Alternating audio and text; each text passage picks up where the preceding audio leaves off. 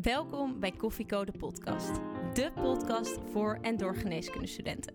Waarbij wij, gewapend met een kop koffie, voor jou op pad gaan om interviews af te nemen met de leukste, interessantste en meest inspirerende artsen van Nederland. Dit is Koffieco.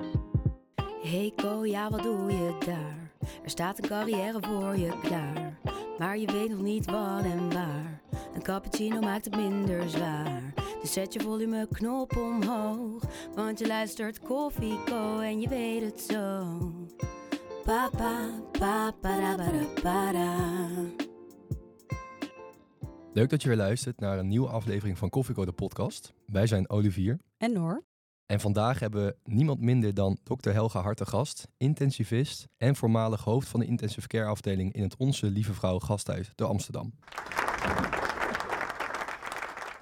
Dokter Hart, van harte welkom bij ons in de podcast. En ontzettend leuk dat je hier aan tafel wilde aanschuiven, hier in het Amsterdam UMC. Omdat de aflevering weer ouderwets in het teken staat van een nieuw specialisme, kunnen we niet anders aftrappen dan je te vragen: hoe drink je je koffie als je ochtends de witte jas aantrekt en richting de IC loopt? Nou, dat is een hele goede vraag. Dankjewel ook dat ik hier mag zijn. Ik drink geen koffie.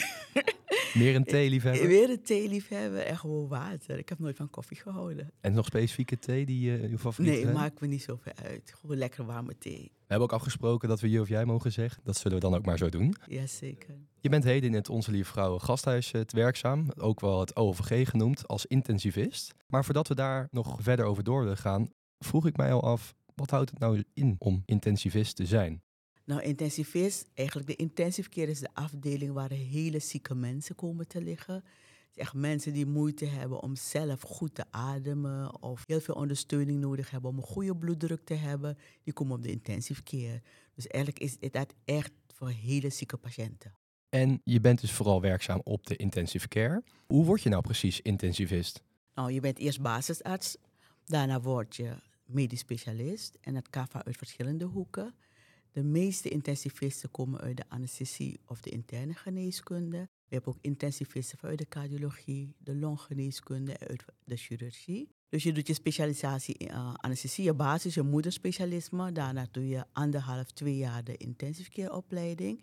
En dan ben je intensivist. En dan zorg je, moet je ervoor zorgen dat je een leuke baan vindt waarin je werk echt in de volheid kan uitoefenen. Maar het is een heel breed specialisme, hè? Want iedereen denkt je bent alleen op de intensive care, maar je bent ook juist betrokken in de pre-IC-fase. We hebben de spoedinterventieteams. Daar ga je bij de patiënten met een bepaald aantal punten, nieuwscore noemen we het, ga je langs om te kijken van moet die patiënt naar de intensive care of kan je nog wat adviezen geven voordat die patiënt zo, er zo ziek wordt dat hij, op de intensive, of zij op de intensive care moet. Je bent ook te maken met multidisciplinaire besprekingen van patiënten die een grote operatie moeten ondergaan. Ook omdat deze patiënten vaker op de intensive care terecht kunnen komen, ga je vaak met, de, moet met een specialist en de anesthesie, en eventueel de cardioloog, longarts bespreken van moeten we deze patiënt wel opereren of moeten er andere oplossingen zorgen? En tegenwoordig heb je ook de post-intensive care na, nazorgpolies voor patiënten die lang hebben gelegen, om met hun en hun nabestaanden te praten van wat heeft het je gedaan, wat heeft, en ook feedback naar ons toe. Wat is opgevallen, daar kunnen ze soms ook iets van leren wat we anders kunnen doen. Maar vooral ook om ze te helpen. Soms nemen we ze ook mee naar de intensive care om te kijken waar ze hebben gelegen. De patiënten hebben zelf vaak geen idee wat er allemaal is gebeurd. Soms hebben families meer trauma's van de intensive care opname dan zelf. Dus het is een vrij breed vlak en het vak en het is een mooi vak. En je moet dus eerst een moederopleiding eigenlijk hebben gedaan om intensivist te kunnen worden. En waarom was dit de anesthesiologie voor u? Het was niet mijn eerste keuze. Ik wilde eigenlijk internist worden. Ik ben in Suriname opgeleid. Ik ben daar basisarts geworden. En toen wilde ik internist worden. En er was op dat moment geen plek voor de interne geneeskunde. En zeiden ze, nou, kies anesthesie. Zijn zo weinig anesthesisten. Nou, ik wist niet eens zoveel wat het inhield. Maar ik heb er toch voor gekozen. En toen kwam ik naar Nederland. En, uh, want de helft van de opleiding deed je in Suriname, de helft in Nederland. Ik heb in plaats van pijn heb ik drie maanden kinderintensive care gedaan. En uh, eigenlijk wisten alle bazen van de anesthesie dat ik eigenlijk de intensive care leuker vond. Dus ik ben toen teruggegaan naar Suriname. En werd ik na een tijdje kreeg ik een brief. Toen hadden we geen mail zo uitgebreid. Het was uh, 89, 90. De intensive care opleiding is een officiële opleiding geworden. Wil je de opleiding nog komen volgen? En ik zei ja, maar ja, ik moest toen wel. Ik was al getrouwd. En we hadden één kind, het tweede was op komst, dus ik moest mijn man wel meekrijgen. En die zei in eerste instantie, nee joh, we hebben het al gedaan, nu niet meer. Nou, ik heb een jaar zitten dwingen, maar ik wil heel graag de intensive care doen. En toen kwam in 1992 hier naartoe, heb ik de intensive care opleiding Onze Lieve Vrouwen gedaan. En ben ik daarna niet meer teruggegaan. En je vertelde dat je baas al, aan je zagen dat je de intensive care ontzettend leuk vond. Wat, maakte dat ze dat zagen? Hoe glunderde u op als u op de IC uh, naar binnen liep? Nee, van de anesthesie vond ik ook leuk. Want ik heb jaren tot 2016 heb ik beide gedaan. En anesthesie en intensive care. Maar ik hou wel van de zorg rond de intensive care. Kijk, de anesthesie, als je narcose hebt gegeven, gaat het in 99,9% van de gevallen goed. Je ziet de patiënt nooit meer terug. Op de intensive care ga je toch een relatie aan. Niet vaak niet met de patiënt omdat die te ziek is, maar ook met familie. Je kan patiënten beter maken of je kan mensen ook begeleiden naar een fase waarin je uitlegt het gaat niet beter worden. En dat geheel vind ik veel leuker. Dus in 2016 bij de fusie met Onze Lieve Vrouwen Gasthuis mochten we kiezen of anesthesie of IC. En ik was er snel uit. Ik, heb het, uh, ik vind de intensive care gewoon leuker. En welke eigenschappen moet je als mens bezitten om ja, later werkzaam te kunnen zijn als intensivist? Ik denk dat het belangrijk is dat je van mensen houdt. Eigenlijk voor elke arts geldt het. Maar je moet keuzes maken. En keuzes om iemand niet mee te nemen naar de intensive care is ook een keuze uit liefde. Want mensen moeten niet lijden. En wat ik ook belangrijk vind, als je in een grote stad als Amsterdam werkt, moet je openstaan voor de multiculturele samenleving. Want je hebt niet alleen maar echte traditionele Nederlandse patiënten. Je hebt zoveel culturen met zoveel gewoontes die je wel of niet leuk hoeft te vinden. Met andere, ja, andere geloof. Misschien omdat ik zelf ook gelovig ben, raakt dat me wel. En ik zie toch wel dat mensen het soms moeilijk vinden. Ik weet nog, ik had laatst kwam een, eh, een toevallige Surinaamse vrouw zo kwam te overlijden op de spoedeisende hulp. En nadat ze was overleden, zei ik aan de verpleging, misschien moeten we er in een aparte kamer plaatsen, want er gaat heel veel familie komen. En er kwam, later zeiden ze me, Helga, er kwamen 60 mensen. Dat ik, ja, ik kan me voorstellen. Bekend. Had je al gewaarschuwd? Ik had je gewaarschuwd. Maar ik kan me herinneren dat jaar, toen ik jaren geleden begon, dat iedereen dacht, oh, daar komen ze weer met zoveel. En nu was iedereen, oh, oh ja, ga een kamertje. Je ziet dat mensen wel groeien om om te gaan met andere culturen die gewend zijn het ding op een andere manier te doen. En dat is geen goed en fout, maar anders moet je ook gewoon omarmen en uh, op, op, op, weg mee vinden. Ja, dat is mooi. En hoe ziet dan een dag van een intensivist eruit?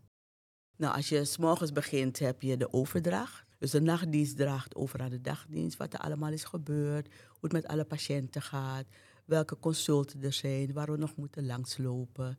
En dan gaan we met z'n allen naar de röntgenafdeling om de foto's van de dag te bekijken. Hebben we drie keer in de week overleg met de chirurgen. Die lopen rondje op kwart over acht om te kijken naar de patiënten van hun die er liggen. Om half tien komen de longarts een keertje langs. Om half twaalf hebben we een grote bespreking met de cardiothoracale chirurgen en de cardiologen. En tussendoor kijken we naar de patiënten, gaan we naar consulten, worden lijnen gewisseld, familiegesprekken.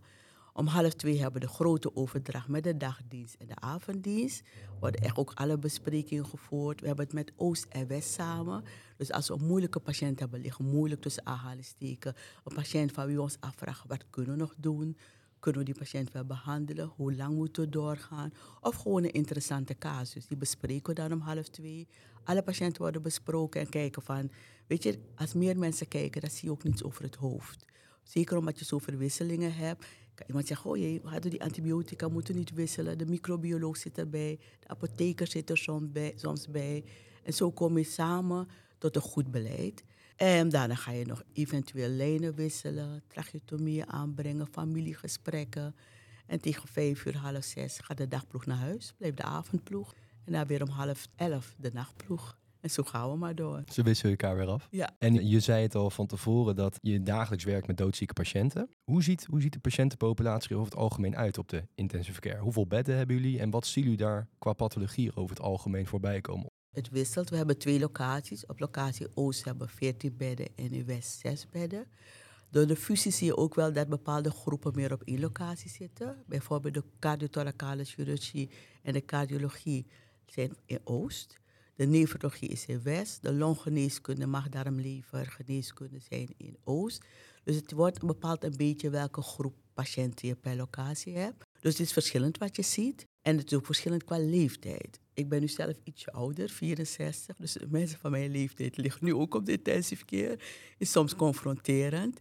Toen ik pas begon, waren het ach, allemaal redelijk oude mensen. En nu zie je mensen van je leeftijd. Je gaat ook anders kijken naar het vak als mensen van je eigen leeftijd er liggen. En um, ja, het zijn over het algemeen heel zieke patiënten. Soms nemen mensen op als we een paar keer lang zijn geweest met een zitoproep van het spoedinterventieteam. Denken we nou, die patiënt is misschien te zwaar voor de afdeling. En misschien moet die patiënt een nachtje bij ons houden om te kijken wat wij kunnen stabiliseren. Zijn er patiënten die misschien net niet op de IC thuis horen, maar eigenlijk om de afdeling te ontlasten en om ook gewoon een goede blik te werpen op die patiënt, houden ze bij ons. Over het algemeen zijn het ernstig zieke patiënten die vaak aan de beademing moeten, die vaak ondersteuning nodig hebben, hemodynamisch of eventueel ook nog aan de dialyse moeten. Dus echt een groep hele zieke patiënten. En ook soms ook postoperatieve patiënten voor, na grote operaties, zoals uh, CABG's, uh, coronaire operaties, klepoperaties, die komen nachtje naar de intensive care. Grote wippels in principe niet, maar als er de verkoevers bijvoorbeeld dicht moeten, iemand heeft nog ondersteuning nodig, zouden die patiënt ook voor een nachtje op de intensive care houden. En ondanks dat je al heel lang intensivist bent, zie je nog steeds dan dagelijks uh, mensen in kritieke toestand op de IC. Vind je dit dan nog steeds spannend? De ene patiënt is de andere patiënt niet. Geen enkel patiënt is hetzelfde. Iedereen heeft een andere voorgeschiedenis. Iedereen heeft een ander, ja, een, een, lichamelijk rugzakje bij zich. Dus patiënten zijn nooit hetzelfde. Als ze eenmaal zijn geïntubeerd, opgeleid, op mijn duur zie je het beloop ongeveer op dezelfde manier gaan. Maar ik ga nooit naar binnen. Ah dit heb ik al gezien. Kom maar binnen, we zien wel. Zo'n relax gevoel kan ik er nog niet bij hebben. Het zijn gewoon hele zieke patiënten. Elke familie is ook anders. Elke wens van een patiënt is anders. Er zijn patiënten die alles willen, die geen idee hebben wat de intensive care inhouden. En er zijn sommige mensen die erover hebben nagedacht. Wil ik wel gereanimeerd worden? Ik wil niet in een verpleeghuis terechtkomen. Het moet me niet te veel kosten. Ik wil niet te veel inleveren.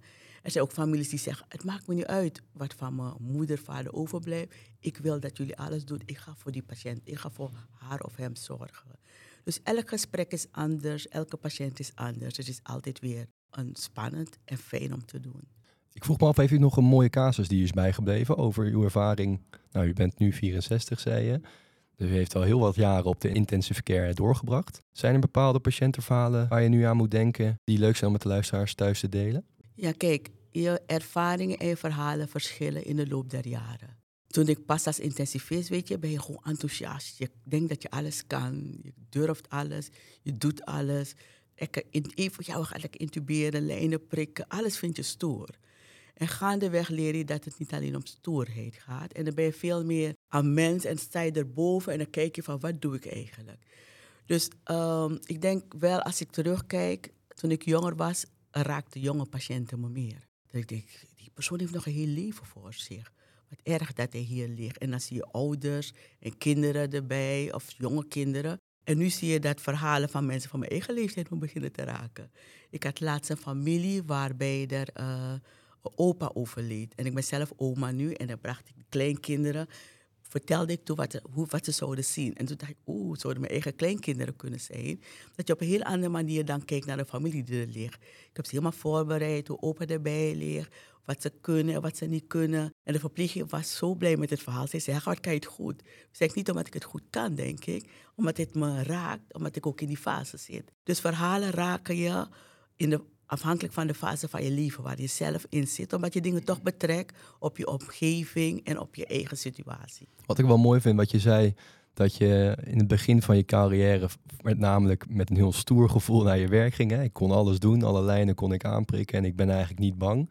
En dat dat later wat meer verschuift naar meer zingeving van patiënten. Is dat iets waar elke intensivist als het ware doorheen gaat? Dat ze die leercurve ontwikkelen, van jong naar oud? Ik denk het wel, want als je ook pas intensivist bent, dan wil je ook je, je, skills goed doen. Hè? Je, wilt, ja, je moet elk geval tjoeps moeten erin, lijnen, traag. Weet je, je bent ook echt bezig met het werk gewoon goed doen. Ook nadenken natuurlijk. En er zijn, het verschilt per persoon. Er zijn ook jonge specialisten die al vroeg bezig zijn van wat gaan we doen, waarom doe ik het. En later, maar ik denk dat het groot deel van de mensen wel laten we anders kijken. Waar ben ik mee bezig? Wat, ga ik, wat kan ik nog betekenen voor deze familie? En ik denk, als ik de, voor de jonge luisteraars, het gaat steeds meer een vraag worden: wat moeten we nog allemaal voor iedereen doen? Kunnen meer? Iedereen heeft het over de vergrijzing.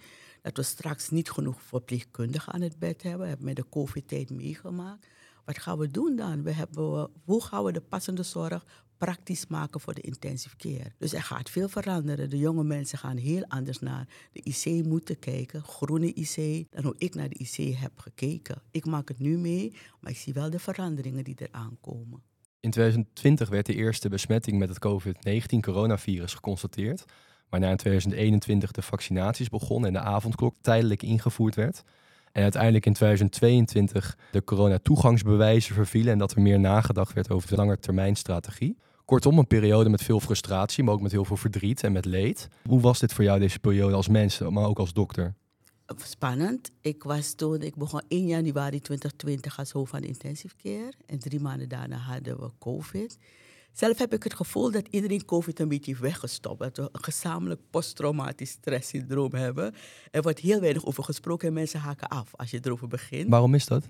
Ik denk dat het ons heel veel trauma's heeft opgeleverd. Jonge mensen met psychische klachten, mensen die niet op straat kunnen, mensen die hun familie zijn kwijtgeraakt, mensen die niet bij hun familie konden komen de eerste weken van de COVID.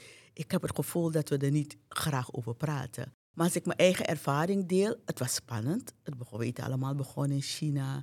En ik kan me nog herinneren, de eerste patiënt die naar het OLVG kwam, was, uh, die besmet was, was iemand, een verpleegkundige van de, van poli. En ik kwam echt in de krant te staan dat een verpleegkundige COVID heeft. was echt een ding. Nou, als je kijkt wat er later gebeurde. En de eerste patiënten die binnenkwamen. In het begin waren het veel patiënten die van de skigebieden kwamen. Want daar waren, werden ze besmet, dus het was, werd heel druk. En we keken echt met verbazing. Nog meer patiënten. Hoe moeten we dit allemaal aan? En Amsterdam, Oost, onze lieve vrouwen had Oost en West. We hebben alles toen naar Oost verplaatst. Omdat het een nieuwe ziekte was, om het te centraliseren. Om het makkelijker, om het beheersbaar te maken. West was alleen maar voor de acute opvang. Alles ging naar Oost, dus het was druk. We draaiden toen officieel op 16 bedden en het maximum wat we hebben gehad is 42 bedden. Zo.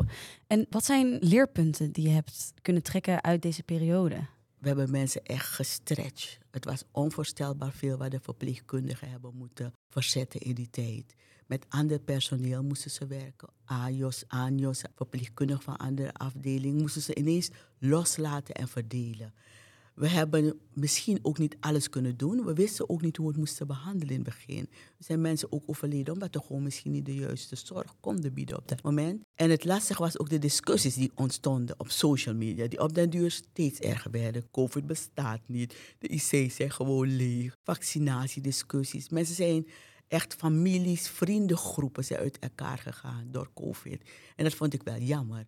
Ook binnen gelovige mensen. niet iedereen gelooft in COVID, niet iedereen gelooft in vaccinatie. Nou, volgens mij maar noem maar een groep en er was niet een discussie.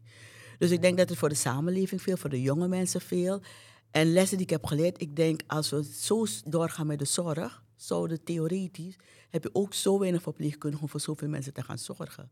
Als ik daar aan COVID denk en denk, dit zou de toekomst moeten zijn, dat wordt dan kwalitatief slechte zorg. Dus we moeten ingrijpen voordat het zo slecht wordt.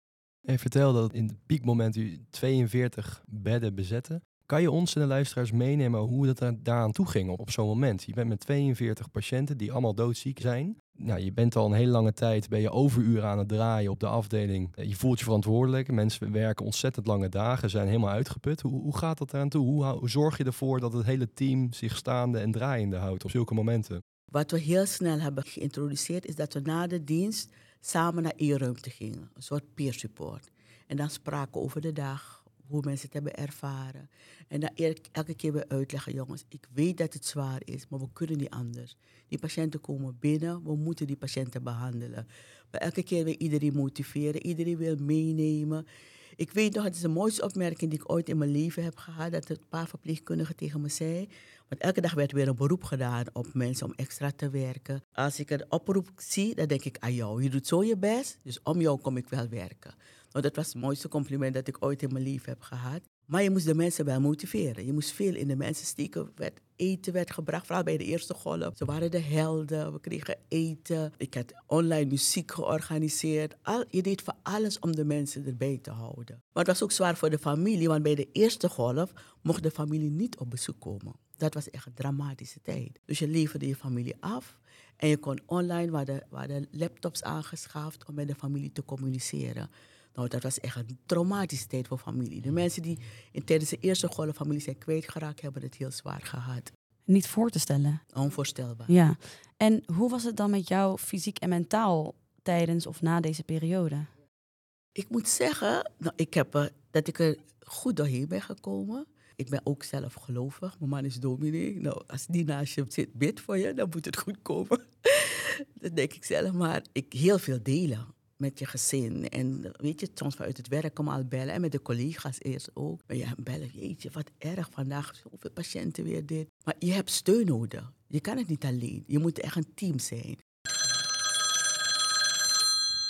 De co-telefoon. Ja, voordat we hier vandaag uh, met jou gingen zitten, hebben we door onze luisteraars talloze vragen binnengekregen. Die ze graag aan jou zouden willen stellen. En zo is de eerste vraag van Diederik. Hij vraagt zich namelijk af hoe het is om altijd in diensten te werken als intensivist. Ja, um, je bent niet anders gewend, hè? Dus ik moet wel zeggen dat ik, ik ben nu ouder. Ik, iedereen wordt moe dat ik ouder word en elke keer weer herhaal dat ik het nu wel lastiger vind. Vroeger ging ik na nachtdienst, nou even douchen, wandelen. Ik maakte afspraken. Dat doe ik nu niet meer. Na nachtdienst ga ik douchen, eten en ik ga gewoon twee uur slapen. Dus het is wel pittig en dan heb je volgende dag misschien weer een dagdienst. Dus die wisselingen in diensten, ze doen wel wat met je. Maar je weet dat het zo is. Ergens, je lichaam past zich aan, je hoofd past je aan. Maar het is best wel pittig.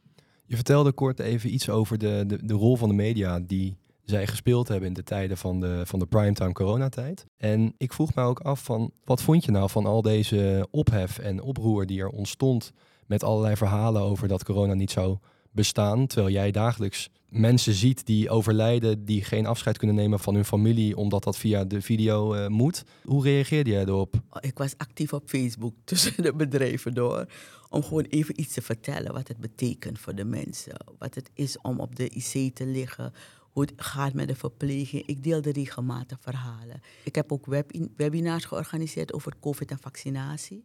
Voor gelovigen, ook voor niet-gelovigen. Ik heb op meerdere podia gesproken om ook te vertellen wat er ligt, wat er gebeurt, hoeveel patiënten er komen, waarom we er iets aan moeten doen, hoe andere patiënten niet geopereerd kunnen worden. Ik heb heel vaak de achtergronden verteld en het gaf mensen wel inzichten waar de zorgen waren. Maar ja, als je, als je al eenmaal, je weet, als je op uh, Facebook of ergens anders bent, als je eenmaal in een algoritme zit, dan krijg je alleen maar uh, ander nieuws. En dan kan je, die mensen kan je niet helpen. Je stelt veel waarde uh, binnen je geloof. En ik kan me voorstellen dat dit wel eens voor dilemma's kan zorgen uh, binnen je functie als anesthesist-intensivist. Hoe ga je hiermee om en wat voor conflicten neemt dat met zich mee? Oh, het gaat over het algemeen heel goed ik zeg altijd uh, bijvoorbeeld een discussie als niet reanimeren. Als ik mensen vraag wie gereanimeerd worden, denk je, is het. Als je theoretisch kan je zeggen, als je dood bent, ben je dood. Christelijk is klaar. Maar God heeft ons ook geleerd, heeft de wetenschap ook gemaakt. Dus als je iemand kan reanimeren en daarbij leven kan verlengen, die persoon nog mooie dingen in zijn leven kan doen, is mooi meegenomen. Maar op basis van medische informatie ik, God heeft me de kans gegeven of genade geweest om dokter te worden, moet ik ook keuze vanuit een dokter zijn maken. Dat leg ik mensen ook uit. zeg, we kunnen doorgaan met de behandeling tot iemand uit elkaar valt, maar dat is lijden. En je citeerde in, online in een artikel ook ooit uh, ja, de zin van een 16e eeuwse arts. Um, geneeskunde is soms genezen, maar het is vaak verlichten en meestal troost bieden. En dit relateerde je aan het feit dat het soms mensen soms niet lukt om hun geliefde of familieleden los te laten wanneer ze heel ziek zijn en zeer waarschijnlijk binnenkort gaan overlijden. Hoe pak je dit soort situaties aan? Nou, eh, zoals het zeggen, het is soms genezen. Heel vaak kunnen mensen genezen, maar soms niet. En dan moet je ook in gesprek gaan met de familie. En ik uh, zeg altijd, ik begrijp dat je het moeilijk vindt. Je kan ook niet voor je vader en je moeder kiezen. Daarom zijn wij er als artsen om je te helpen bij die keuze. We hebben zoveel gezien, er zijn zoveel wetenschappelijke studies. Dus wij weten echt wel wat kan en van wie we kans hebben dat ze beter worden. Dus we proberen in, met de wetenschap achter ons en ze ook troost te bieden. Van je hebt alles gedaan. Ik zeg ook soms aan mensen die het moeilijk vinden. Ja, super van je dat je zo je best doet en zo nagaat als we de juiste dingen doen. Of googelt of alles. Je wilt het beste. Je mag trots op jezelf zijn dat je zoveel probeert. Maar wij moeten ook eerlijk zijn wat we kunnen. En dit is al, we kunnen niet meer dan dit. We moeten nu loslaten. En door de mensen te begeleiden, vaak komen mensen terug en zeggen dankjewel voor het gesprek. Ook mensen die er tegenop zagen of die niet wilden dat we stopten met de behandeling, die zijn vaak toch dankbaar omdat je ze goed begeleidt. Weet je, wilt niet tegen alles in, ja, maar we gaan nu stoppen, want dit, dat helpt niet. Neem ze mee. Wat maakt een paar uur of een nachtje nog uit? Ga in gesprek met ze. Leg ze uit waarom het niet kan. Waarom we niets meer kunnen doen. Geef ze eventueel ruimte voor een second opinion. Maar sta open voor mensen. Voordat we verder gaan, zijn we ook benieuwd naar jou als persoon en wie dokter Hart buiten het ziekenhuis is, middels het uh, doktersdilemma. Dus we geven je twee opties waarvan je er eentje moet kiezen. Het doktersdilemma. Het leven bestaat soms uit lastige keuzes. Denk niet te lang na en geef snel antwoord. Paramaribo of Amsterdam? Amsterdam. Thee of koffie? Thee. Het inbrengen van een centrale lijn of intuberen? Intuberen. De anesthesie of intensive care? Intensive care. Rennen of rustig lopen naar een levensbedreigende spoedsituatie? Rennen. De Black Achievement Award of een prijs voor intensivist van het jaar? Black Achievement Award. Makkelijke keuzes. Ja. Paramaribo of Amsterdam? Ik hou van beide landen. Ik ben een hele moeilijke keuze. Heb je Ja. Ik ben in beide landen thuis en ik ga heel graag naar Paramaribo. Maar ik heb kinderen en tussen vier kleinkinderen hier. Dus iedereen die me vraagt, ga je naar je pensioen daar wonen? Nee, ik blijf, hier- ik blijf hier wonen omdat ik eh, dicht bij mijn kinderen wil zijn. Ondanks het koude, regenachtige weer blijven we gewoon in Amsterdam. Drie keer per jaar op vakantie. Heel mooi, heel mooi. En je zei bij het inbrengen van centrale lijn of intuberen, zei je intuberen. Ja, vaker, vaak moet je eerst intuberen en kan je op een perifere infusie wat slaapmiddel geven. En die lijn komt later. Maar vaak je die patiënten zo benauwd dat die tjoeper sneller in moet dan die lijn. En bij rennen of rustig lopen zei je rennen. En ik had het met Olivier net voor het interview erover. En hij zei, ja, maar mensen op de IC of intensivisten... die zijn de allerrelaxte personen. Komt op hem over bij een acute situatie. Ja, als je er aankomt ben je rustig. Dan overzie je, dan kijk je snel van oké, waar is wat. Maar je rent er wel naartoe. Want de, afde- de afstaande, ons lieve vrouw, weet wat de intensive care is? Je moet echt door de gang gaan om naar de afdelingen te gaan. Dus je moet rennen. Je kan niet rustig lopen. Maar als je daar bent, dan ben ik relaxed. Is dat, dat rustig houden in die situaties, is dat iets wat je kan leren? Of moet je dat bezitten als persoon? Misschien een deel wel, maar je leert het ook. Hoe meer ervaring je hebt en hoe meer je weet van, oké, is iemand bij het kapje? Wat is de bloeddruk? Dat je snel een beeld hebt. Je leert snel kijken en weten waar je snel moet, waar je moet optreden. Je leert het. Ben jij nog steeds in de leer in dat opzicht? Altijd. Want je, soms denk je van, eh, ook kijken wie bij wat staat. Hè? Is het een jonge assistent? Is het een spoedeisende die er al lang is? Dus je leert altijd. En je leert ook van, god, dit had ik toch sneller moeten doen. Ik had, ik, bijvoorbeeld, ik had dinsdagdienst. En ik werd door een hele jonge assistent, semi-arts gebeld van... eh, dat een patiënt slecht, ging op de spoedeisende hulp. Maar het verhaal duurde gewoon lekker relaxed. Bijna drie minuten. En toen zei ik, zal ik het rondje... Ik ben bezig met een rondje lopen. Zal ik het afmaken of moet ik komen? Nee, je moet nu komen. Dus ik zeg, ik zei hem later, je moest me niet zo lang, drie minuten relax met me praten. Je moest even zeggen, kan je nu komen? Ik vertel je onderweg wel. Dus dat gaf ik hem als feedback terug. Want anders, ik zat drie minuten gewoon relax. Ja, die patiënt heeft dit, dit. Het was al drie uur geleden dit. Ik denk, nee, ik moet nu komen, dan hoor ik de rest wel. Tweede keer zei hij het wel van, nee, je moet nu komen, niet een rondje lopen. Dan dacht ik, oké. Toch weer wat geleerd die tweede Ja. keer. En we hadden het al over Suriname en Amsterdam. Eh, je hebt namelijk je studie geneeskunde gelopen in je geboorteland Suriname en dus ook al eh, gewerkt daar. Waarom heb je ooit de stap gezet om dus naar Nederland te verhuizen en hier werkzaam te zijn als arts? Ja, gewetensvraag. Toen ik de intensive care opleiding, kwam ik eigenlijk de opleiding doen om terug te gaan naar Suriname. Maar er was nog niet echt intensive care in Suriname. Dus ik kon ook wel teruggaan en het opzetten. Toen had ik voor mezelf besloten om eerst een paar jaar ervaring op te doen. En dat ik daar meer kennis heb om het op te zetten. Maar ja, ik ben achtergebleven. Daar ben ik niet helemaal trots op. Maar ik heb wel, om het goed te maken, geef ik regelmatig onderwijs daar in Suriname als ik daar op vakantie ben. Ik heb bijvoorbeeld bij COVID heb ik een webinar. Toen wij door de eerste golf heen waren, heb ik direct een webinar georganiseerd. Met de raad van bestuur, met de, met de staf, met collega's die hebben onderwijs gegeven over beademing. over, want dat was echt het, het ding daar, wat we hebben gedaan, wat we hebben geleerd. Dus ik heb het direct ook ingezet voor Suriname. Ik verzamel spullen. Ik probeer me nog een beetje goed te doen. Maar ik heb een hele goede, ik heb een appgroep met de intensivisten en ik doe wat ik kan doen. Want ben je ook in de coronatijd teruggegaan naar Suriname om daar nee, te helpen? het was te druk hier om het, dus weet je, weggaan en dan mee personeel hier waar ik voor verantwoordelijk was te laten, dat was geen optie. Wat is het grootste verschil tussen werkzaamheden in Suriname, het ziekenhuis daar en het OVG hier in Amsterdam? Ja, we zijn hier met zoveel meer mensen. We werken veel meer evidence-based. Er zijn minder materialen, minder mensen. Verpleging trekt massaal weg naar de Caraïbische eilanden. Dus je hebt minder personeel, moet je toch hetzelfde doen.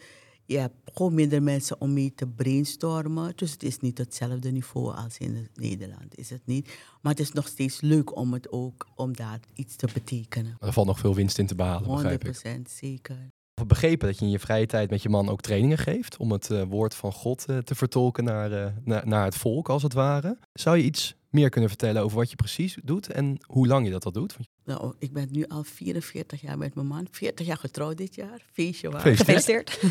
Maar ehm, hij is sinds 2000 heeft hij deze kerk. Het is heel dichtbij hier bij het AMC om de hoek. En ik ben, ik ben niet de dominee, maar ik steun hem waar ik hem kan steunen. Gewoon sowieso thuis. En ik steun bij het vrouwenwerk. Ik steun vaak bij onderwerpen waar christendom, gezondheid en medische zorg raakt. Mijn zoon doet dat ook een beetje. En samen met hem hebben we een keer de bloedvloeiende vrouw met gynaecologen gedaan.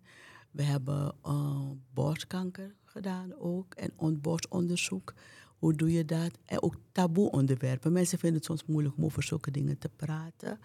Seksualiteit, over alles en nog wat. Orgaandonatie en geloof heb ik ook in de kerk over verteld. Ook waarom zijn we geen donoren? Waarom zijn we, geven, we geen, geven geen bloedtransfusie? Maar ook om de verhalen en de dilemma's te bespreken. Ik zoek vaak de grens van medisch en uh, christendom. Maar ook gewoon soms alleen maar christelijke onderwerpen. Omdat ik denk dat je als vrouw, weet je, bent je vroeg over black achievement. Er zijn niet zoveel zwarte vrouwen in de zorg, in een bepaalde positie. Ben je toch ook een beetje een voorbeeld en kan je mensen ook zeggen van ja, je kan het wel. Waarom is dat eigenlijk? Waarom zijn er te weinig zwarte vrouwen in de zorg? Ik denk dat er sowieso te weinig niet-westerse mensen in de zorg zijn. Bij de basisartsopleiding zie je nog veel. En daarna gaat het ergens, om welke reden dan ook, minder goed. En uh, dan moeten we een hele podcast over houden misschien. maar het is een heel ander onderwerp. Maar ik vind, ik vind wel dat je een voorbeeld bent. Een voorbeeld van het kan wel. We kunnen het. We zijn goed genoeg, jonge meisjes. Je kan iets. We, hebben hier, we, zijn, we vallen onder de regio Amsterdam Zuidoost. Ik vind het heel fijn om met jonge meisjes te praten. Om meisjes te vragen: wat ga je doen? Wat ga je worden? Welke keuzes maak je in je leven? Ik, vind, het is, ik heb een podium om jonge mensen de weg te wijzen en een voorbeeld te zijn. Mooi. En hoe ontspan je en wat doe je in je vrije tijd? Wandelen. Ik, daar wandel ik wel. Ik hou van wandelen. Ik ben niet te hardloper. Maar ik hou wel van om gewoon in de buurt rondjes te wandelen. Daar kom ik tot rust. En gewoon iets lezen. Gewoon, uh, Zoals wat? Vaak bijbelse boeken, heel vaak. Ik lees genoeg wetenschappelijke boeken verder. Maar dat vind ik leuk, daar kom ik tot rust. En stel je voor dat je vandaag stopt met je baan. Hoe ga je je tijd dan invullen verder? komende jaren? Ik heb vier kleinkinderen en die vinden oma echt grappig en leuk. Dus daar zou ik meer tijd in steken. Ik zou meer doen voor de ChristenUnie. Ik zou mijn man meer ondersteunen. Ik zou meer doen voor de vrouwen in Amsterdam Zuidoost. Ik ga mijn dagen vullen. Ambities genoeg, dat hoor ik al. Ambities genoeg. We hadden het al over dat uh, nou, de vergrijzing wordt steeds groter. En je begon al even over de toekomst van de intensivist. Maar hoe, hoe zie je dat voor je? Hoe ziet de toekomst als intensivist eruit? Ik denk dat je op den duur op de intensive care echt een hele andere keuzes moet maken. Dat we misschien veel meer gaan moeten opletten. Wie neem je nog mee, mee naar de intensive care? Als er minder bedden zijn, moet je gaan kiezen. En het is misschien niet alleen een leeftijdsgrens, maar ook veel meer gaat kijken naar de kwetsbaarheid van de patiënten. Naar sarcopenie hebben ze nog genoeg spieren om een lange IC-opname aan te kunnen. Wat was hun kwaliteit van leven voor de IC-opname? We doen het nu al, maar dat je echt goed gaat moeten kijken aan wie kunnen we deze dure zorg nog leveren. Kunnen we alles nog doen? Dat wordt echt een grote vraag.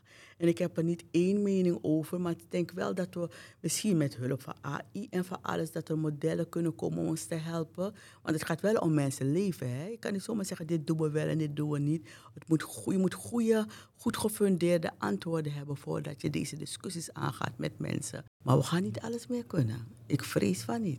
En waar bent u het meest trots op in uw vak? Voor mezelf of voor het vak zelf? Mag beide? Ik vind het vak ik vind het echt een mooi vak. Je kan keuzes maken. Je kan mensen beter maken. Soms zie je mensen na weken terug. Op de, komen ze even groet op de intensive care. denk ik, oh, je ziet helemaal niet dat mensen zo mooi zijn eigenlijk. Hun haar in de war, liggen ze zo op een bed met een beademingsbuis. Dan vind je het zo mooi om mensen terug te zien. denk ja, hiervoor hebben we het gedaan. En voor mezelf, ja, ja dat ik het heb volgehouden. Ik ben 64 en ik, ik sta er nog. En ik heb er nog steeds zin in. En ik heb nog steeds energie. Dan moet het toch een mooi vak zijn. Mooi dat hij dat zo zegt. We eindigen altijd met de laatste tip eh, voor de co-assistenten, voor de dokters van de toekomst. Dus ik vraag me af of je iets hebt waar de luisteraar thuis eh, wat aan heeft. Als ik een tip moet geven, volg je hart. Hè? Want soms kiezen mensen voor een specialisme, heb ik ook gedaan. Eerst de anesthesie, terwijl ik eigenlijk interne leuker vond. Ik heb er geen spijt van dat ik via de anesthesie erin ben gegaan. heeft me andere dingen gebracht. Maar volg je hart. Ga niet een specialisme doen alleen omdat je specialist moet worden. Want je kan ook een goede huisarts of GGZ. Er, zijn genoeg, is genoeg werk. Weet altijd dat je als arts niet boven de, de rest van het personeel staat. Maak een team met je verpleegkundigen, met iedereen die daar werkt. Neem mensen serieus.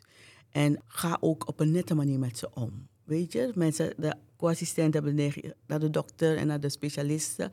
En ze vergeten soms de verpleegkundigen, maar die ga je echt, uh, als je geen goede band met ze hebt, het gaat je niet goed. Het wordt een zware tijd. Het wordt een zware tijd. Helemaal een specialistische afdeling. Maar neem ze mee. Ze weten veel. Ze zijn gewoon ook uh, mensen die goed zijn in hun vak. Zorg ervoor dat je een team maakt met ze. Dan kom je heel ver met je werk. Super mooie tip.